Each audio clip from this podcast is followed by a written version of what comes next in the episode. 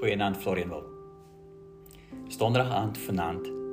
Ons week van gebed is spoedig besig om uit te loop.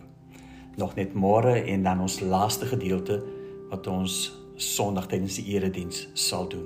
En dan het ons al die ekes uitsprake van ons Here Jesus Christus gedek. Kom soos altyd, laat ons vir 'n wyle stil raak en vra dat die Here saam met ons sal wees. Wees stil en weet ek is die Heer. Wees stil en weet ek is. Wees stil en weet.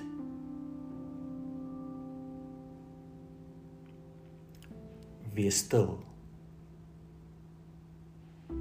Wees. Amen. Vriende, genade en vrede vir julle. Dankie dat ons soos altyd by mekaar kan wees en net die woord van die Here te mag te mag lees.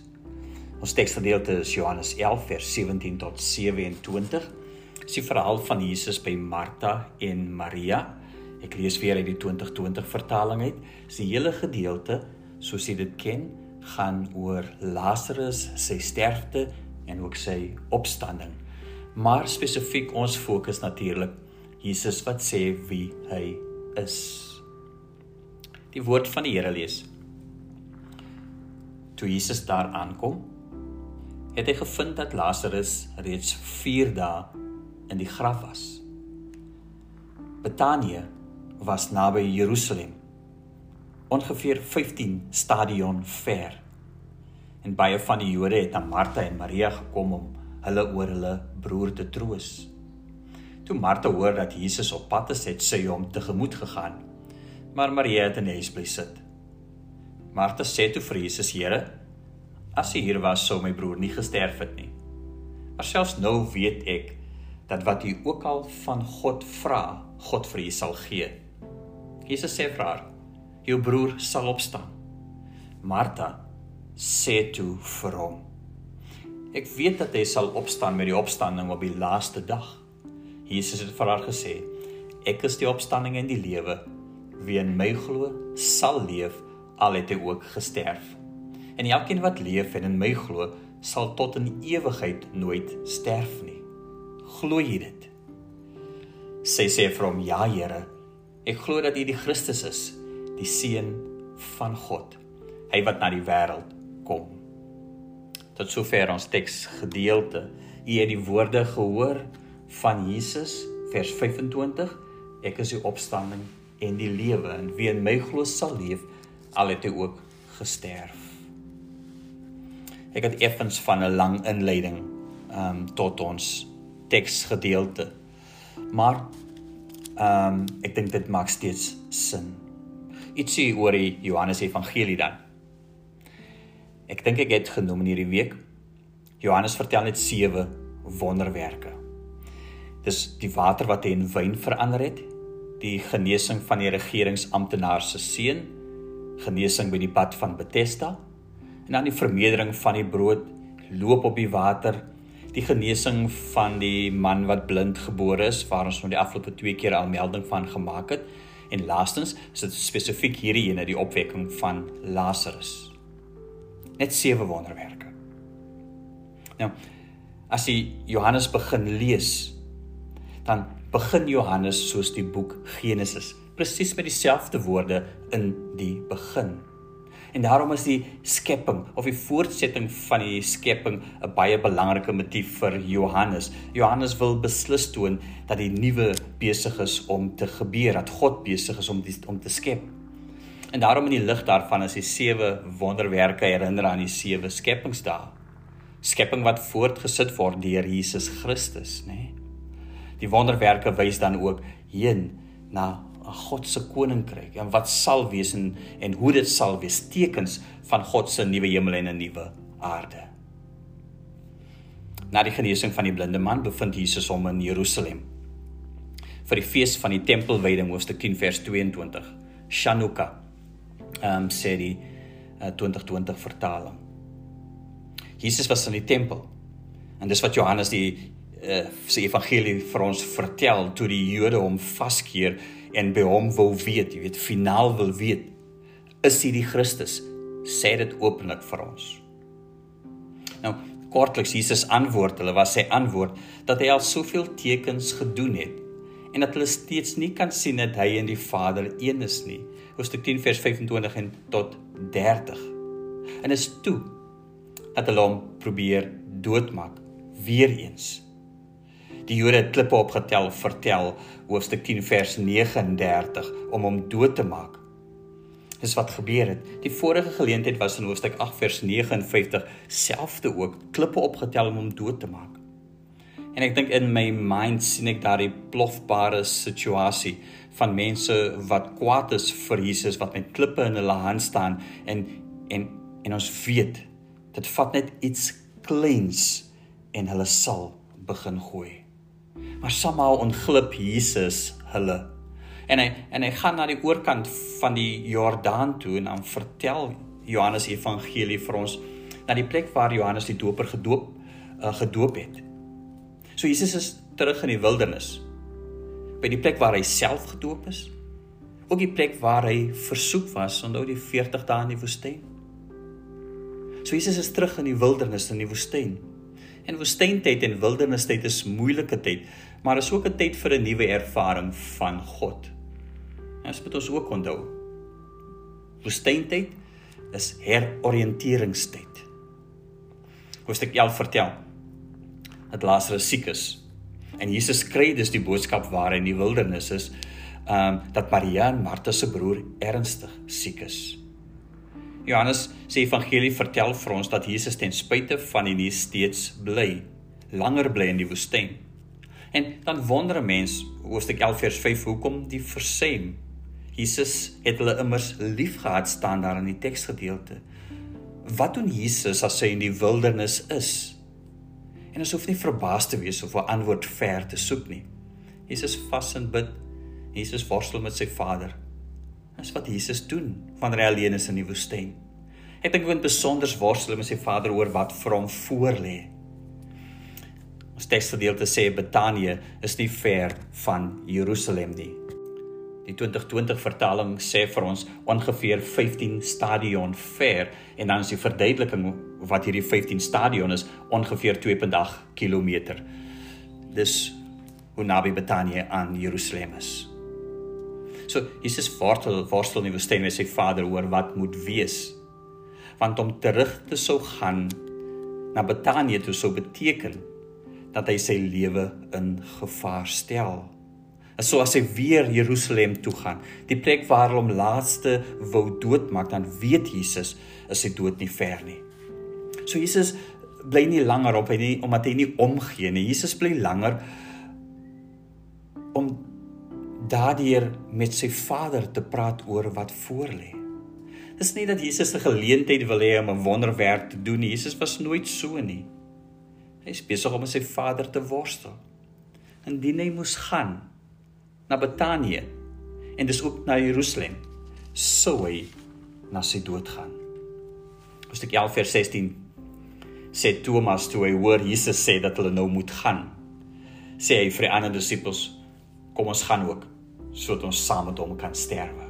Almal het geweet hy's op pad na sy dood toe. So Jesus kom in Betanië aan. Lazarus is toe al 4 dae oorlede baie van die Jode vertel ons teks vir ons was al reeds daar om Maria en Martha te troos. So almal weet is dat Jesus terug is in die omgewing. En so ontmoet Jesus vir Martha eerste waarin sy hom verseker dat as hy daar sou wees sou Lazarus nie sterwe nie. En Jesus sê vir haar ons onthou die gesprek jou broer sal uit die dood uit opstaan en en Martha bevestig ja met die opstanding op die laaste dag. Jy weet, soos ons glo, so het hulle ook geglo eendag ver in die toekoms, ja, dit sal gebeur. Is tog 'n vaste en algemene geloof gewees. En dan doen Jesus iets spesiaals. En dis die punt waarop ons neerkom. Hy vra van Martha om te glo dat wat aanvanklik in die toekoms sou wees nou reeds besig is om te gebeur nou reeds kan gebeur.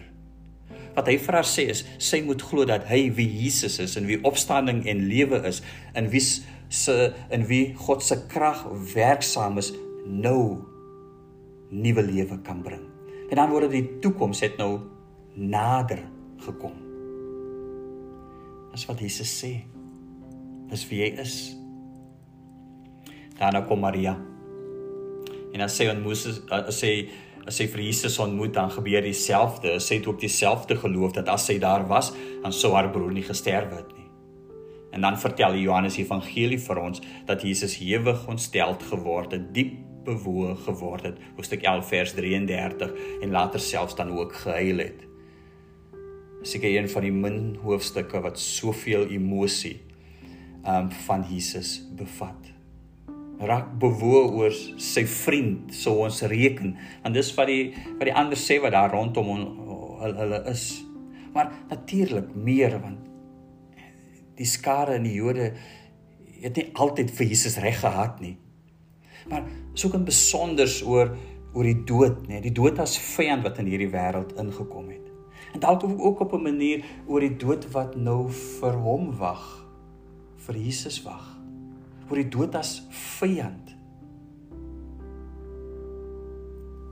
As Jesus na Betanië kom, is hy besig om sy lewe weg te gee. Hy plaas dit sy eie lewe in gevaar om Betanië toe te gaan sodat Lazarus kan lewe. En, en dis wat ons moet hoor. Jesus plaas sy eie lewe in gevaar, spruit om sy eie lewe weg te gee sodat Lazarus kan lewe sodat die mensdom kan lewe en dit maak Jesus die opstanding en die lewe. Dis wat dit beteken. Jesus is opstanding en lewe omdat hy sy eie lewe weggee.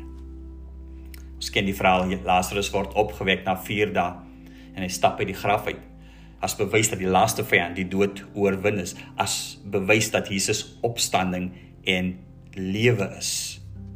As bewys daarvan is wie Jesus is. Wat aanvanklik slegs in die toekoms sou wees het nou tot by ons gekom 'n nuwe lewe verlossing die verhaal is verder nou weet almal van Jesus wat daar is en ook van die wonderwerk wat hy gedoen het as geen weg kom kans meer nie, nie meer wegkruip moontlik nie.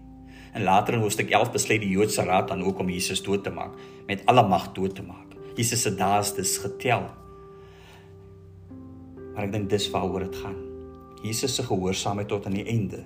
Sy sterwe en sy opstanding beteken dat hy die een is wat lewe gee vandag en nou. As wie Jesus vir ons is. As ons sê Jesus is opstanding en die lewe, dan sê ons dat Jesus is die een wat nuwe lewe kan gee in elke soort situasie. En wonder oor die dood in jou lewe. En dink daaroor na, wat is die dinge wat dood bring? Daar's soveel dinge wat wat in ons lewe is. Das is die vrees, nê? Nee? vir wat dit ook al mag wees en wat er ook tans in ons lewe gebeur. Dat Dis die haat wat ons verswelg by kere en dis wat dit doen. Sê ek maar besig om ons dood te maak. As die as die verslawing en sy vele vele forme dan nie. Sonde. Ons verlede het ons met ons saamdra. Asof ons die dood met ons saamdra. Ons pyn, ons ons siekte. Dis die dinge wat dood bring en dood is in ons lewe. En nou kom Jesus en sê Hy is hy is opstanding en lewe. Hy bring heling. Hy sal verlossing bring. Herstel is nou moontlik. Oorwinning. Dit is vir ons almal daar, selfs oor die dood en die dinge wat dood bring in ons lewe. Dis wat Jesus sê. Nou broers en susters, ek weet daar sekere dinge wat net hooploosheid bring in elkeen van ons lewe. As hierdie dinge wat jy na kyk en dan vir jouself sê geen uitkom kans nie. Daar's net geen manier nie. En op grond daarvan word opgegee, oorgegee. En Jesus sê hy is opstanding en lewe. Dis wat Jesus sê. Dis wie vir ons is. Nodig dat hierdie net so deur ons gedagtes moet gaan dat ons daarin sal vashou met ons hele hele hart. 'n Vaste vertroue het in hierdie Jesus wie sê wie hy is en wat kan doen wat hy sê. Mag die Here ons help. Amen. En biddelike Heer. Dankie Here vir die mooi versekering. Die wonderwerke Here wat U seun Jesus Christus gedoen het. Here vanaf wyn Here vir mense om te geniet in 'n bruilof. Die opbou daarvan Hemelse Vader tot en met die opstanding van Lazarus uit die dood uit. Tekens Vader van nuwe dinge. Tekens Vader dat die nuwe moontlik is. Dat God kan skep en God ook kan herskep. En daarom sal Jesus vir ons leer. Hy die toekoms nader gebring. Na ons toe gebring. En die verlossing, Here, is dis in Hom.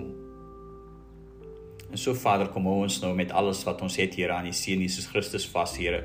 En Here, ons kom haal elke hooplose situasie wat in ons lewens is, Here, wat die dood in ons bring en wat ons doodmaak van binne Hemelse Vader en selfs dit Here wat die lewe bedreig in ons Here en ons kom lê dit voor U neer Here U wat opstanding en lewe is.